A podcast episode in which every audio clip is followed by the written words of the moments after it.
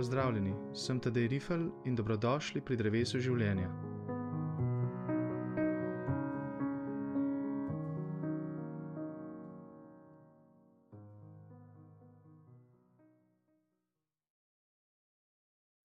Danes bom govoril o vodi. In sicer v njenem mnogovrstnem pomenu, predvsem pa v njeni simbolični vlogi v našem življenju.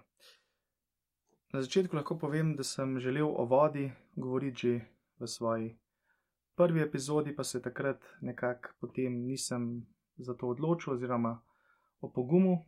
Izhodišče je bila ena čist aktualna debata o tem, kako danes dojemamo vlogo um, posebne vrste vode, namreč blagoslovljene vode v naših crkvah, naših svetiščih. In mogoče ne bi bilo eh, ravno pametno, da bi v prvi epizodi eh, začel z nekim odzivom. Eh, no, zdaj v četrti je pa mogoče že čas, da se s tem, o čemer govorim, hkrati tudi odzivam mogoče na bolj eh, kakšne. Mm, Aktualne zadeve, ker se mi zdijo pač povezane s tem, kar govorim, ne zdaj iz golega nasprotovanja, preprosto zato, ker se mi zdi pač pomembno na te stvari opozoriti. Zdaj, govoriti o vodi je zelo smiselno, ker je voda odnegdaj predstavljala enega izmed temeljnih elementov človeškega bivanja ali pa tudi bivanja sveta nasploh, poleg zemlje, eh, ognja, zraka. Je bila voda tisti element, ki, je, ki ga je pač eh, človek odnegdaj, še tisočletja, pred eh, pojavom moderne znanosti dojemal kot bistvenega eh, za naše življenje. Pa tudi, če se ozremo naokrog eh, v ta naš eh, čudoviti svet, seveda vidimo, kaj vidimo. Modro nebo, vidimo zelena polja, vidimo vem, rjavo zemljo, eh, ki je zdaj legla k počitku, če povemo pesniško. In seveda vidimo tudi uh, modro, zeleno, ali pa tudi um, brezbarno eh, vodo. Se pravi, že naša osnovna izkušnja, osnovna intuicija nas nekako napeljuje k temu, da je voda en pomemben del um, ne samo za naše življenje, ampak tudi pač, um, v naši izkušnji, ki jo pač živimo kot ljudje na Zemlji.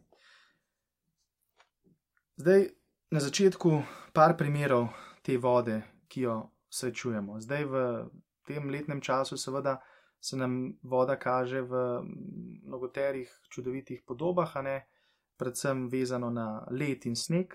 In tukaj ne gre samo za eno vrsto vode, za eno agregatno stanje, kot bi rekla, recimo znanstvena zavest, ampak gre tudi za to, da se ob tem, ob pogledu na to čudovito naravo, pač zavedamo enega preprostega dejstva, enega dejstva nastajanja ne, ko nastajajo neke ledene skulpture ali pa zasneženi vrhovi gora ali pa um, vem, pogled na, na drevesa v, v gozdu, ki tudi so zelo lepa v, v tem zimskem času.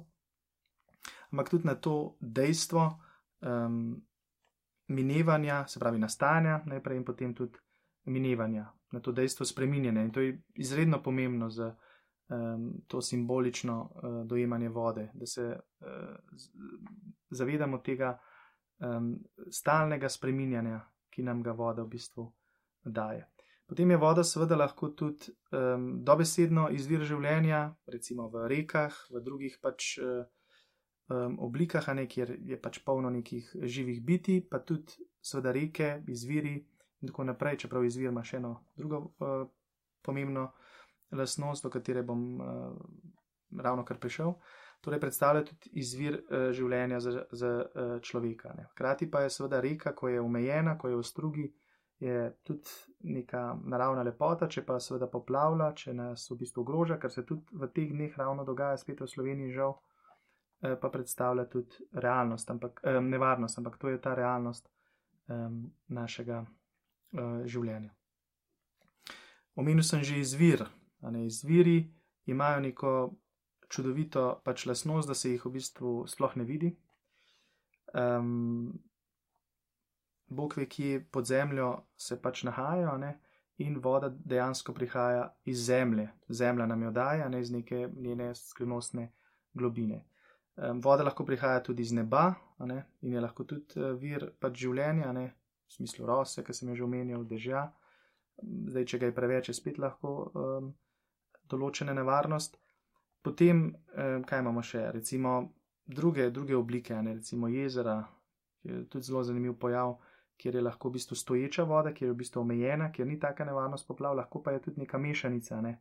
Kot vemo, pri nas v primeru Bohinjskega jezera, ko se v bistvu skozi jezero steka tudi um, pač reka, ne, ki v bistvu pritaka v to, v to jezero in potem tudi uh, gre iz njega ven. En zanimiv pojav, recimo v naravi, tudi, uh, pač, uh, so tudi reke ponikalnice, nekih je tudi polno um, po naši deželi, ki je v bistvu zmes vidnega in nevidnega, pa vendarle ena stvar.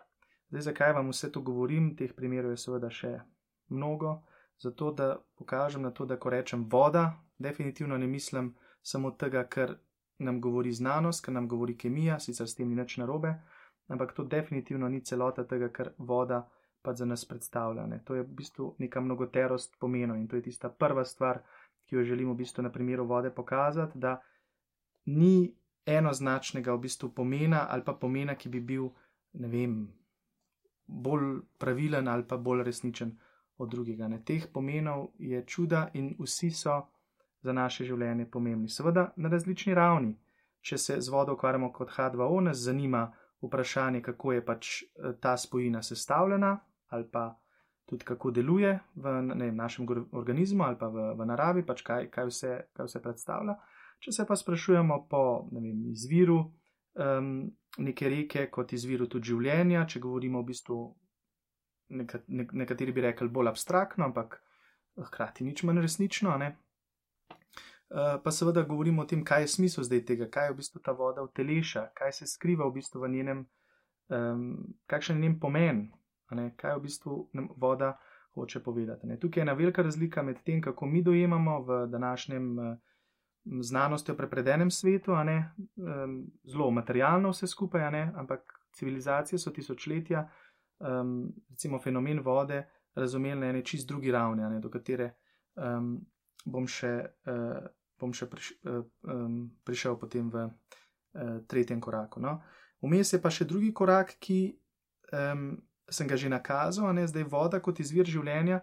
Seveda um, je tukaj spet ta dobesedni pomen, se pravi, um, se pravi um, pomen vode kot življenje za določene organizme, pa tudi kot pijača nam za, pač, uh, za naše življenje. Ne.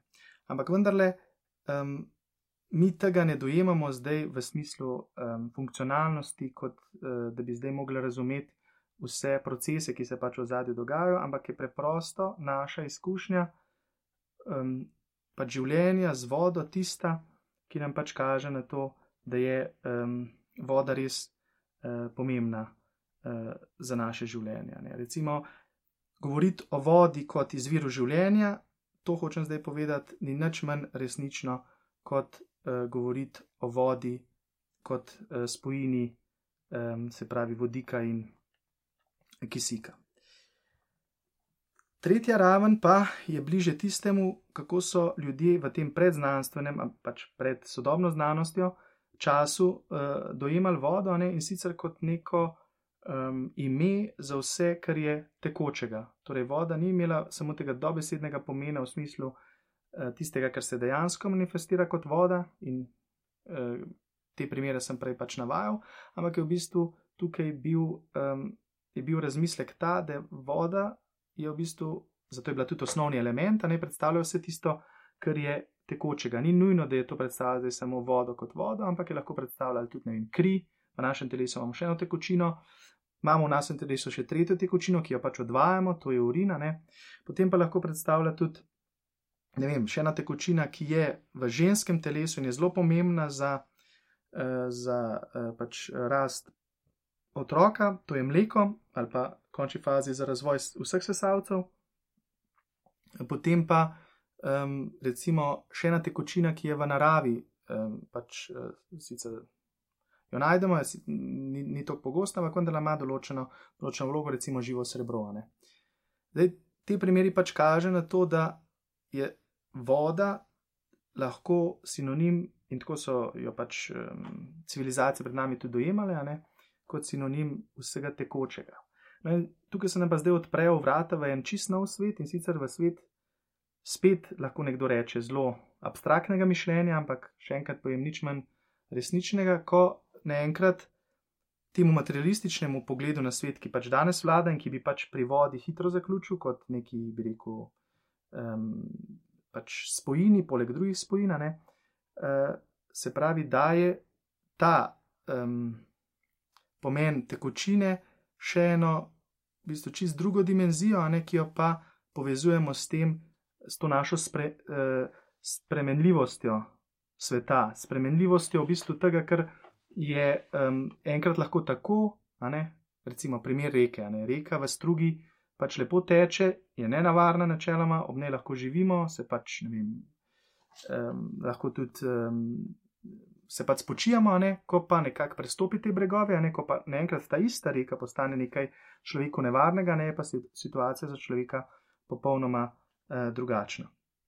No, in recimo v teh eh, starih kulturah, kulturah ne, in potem v teh uh, mitih, ne, kjer razlagajo predvsem te um, miti o stvarjenju, um, nastanek sveta, ne, ima voda, seveda, nima zdaj vlogo nekega elementa v smislu H2O, ampak ima v bistvu vlogo elementa, ki kaže na neko um, fluidnost, na neko, um, se pravi, um, na, na vse tekoče stanje, na vse, kar se pač lahko spremenja v končni fazi, kar ima v sebi tudi nek kaotični element.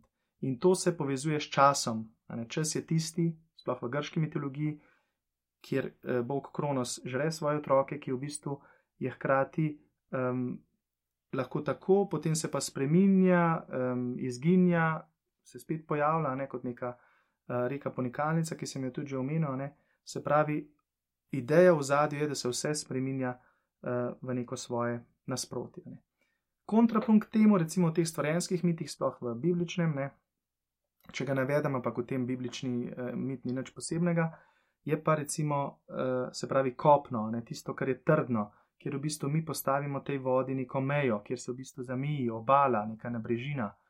Ne. In to pa je potem, uh, za razliko od vode, ki je v bistvu bolj simbol časa, simbol prostora. Pa če spet ponazorim s primerom reke, ne, ko reka poplavlja, ko je v bistvu stvar nekega kaosa, ko je v bistvu ni meje, takrat je za človeka najbolj pomembna dimenzija seveda, časa, ne, kako se bo v bistvu rešil, kako bo pobegnil te nevarnosti.